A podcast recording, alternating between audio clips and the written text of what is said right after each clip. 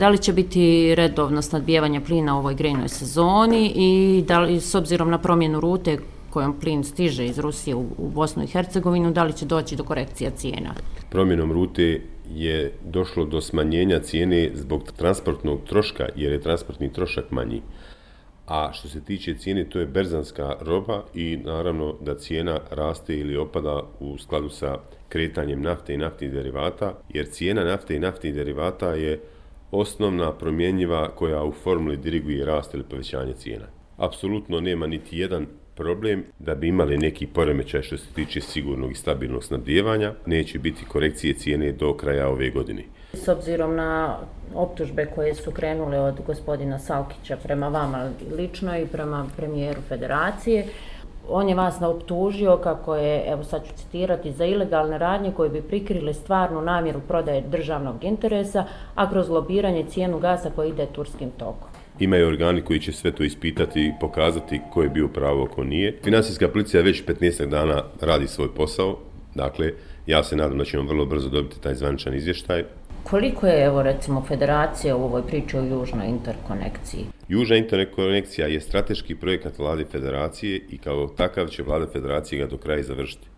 U ovom trenutku BH Gas na računu ima 35 miliona konvertibilnih maraka, i ima sve dozvole i saglasnosti od vlade federacije da ide u taj projekat.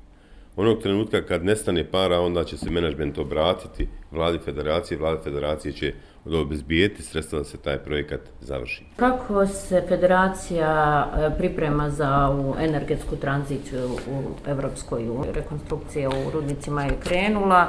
Dva velika pitanja. E, mi smo članica Evropske energetske zajednice i buduća članica Evropske unije i kao takva država mora implementirati svo zakonodavstvo iz Evropske unije e, u, u, naš, u naše zakonodavstvo i pokazati dobru volju da mi to želimo i hoćemo i da je to zaista iskrena namjera. Drugi, možda i najveći problem te energetske tranzicije su dokumenti koji usvojio parlament federacije, to je plan reorganizacije ili restrukturiranja rudnika u federaciji kao možda i jedan od najtežih problema današnjici u našim, u našim životima i našem radu. Taj plan prestrukturiranja podrazumijeva potpuno reorganizaciju rudarskog sektora u smislu da dovedemo broj rudara na optimalan nivo, a broj nerudara da smanjimo na minimalan nivo. Dakle, ali u ovom trenutku imamo sigurno viška ljudi koji nisu vezani direktno za proizvodnju u rudnicima, odnosno imamo viška nerudara nego ljudi koji su vezani za režijske osoblje, za održavanje, za transport, tako dalje, dakle ne rudara. Kako sad e, rudnici uglja posluju u federaciji da li je ugrožen rad termoelektrana? Što se tiče poslovanja rudnika, imamo određeni problema vezano za Tuzlanski bazen rudnik reka. E, prošli, pretprošli mjesec, a evo i ovaj zadnji mjesec je podbacio sa proizvodnjom. Prošla dva mjeseca ili realizacija za prvi sedam mjeseci je negdje 75-6 procenata desetak miliona maraka je to manje prihoda, što automatski pravi problem, jer ne mogu sa ovim sredstvima izmiriti neosnovne plaće, a kamalo platiti dobavljače, repromaterijale, sve ono što prati proizvodnju.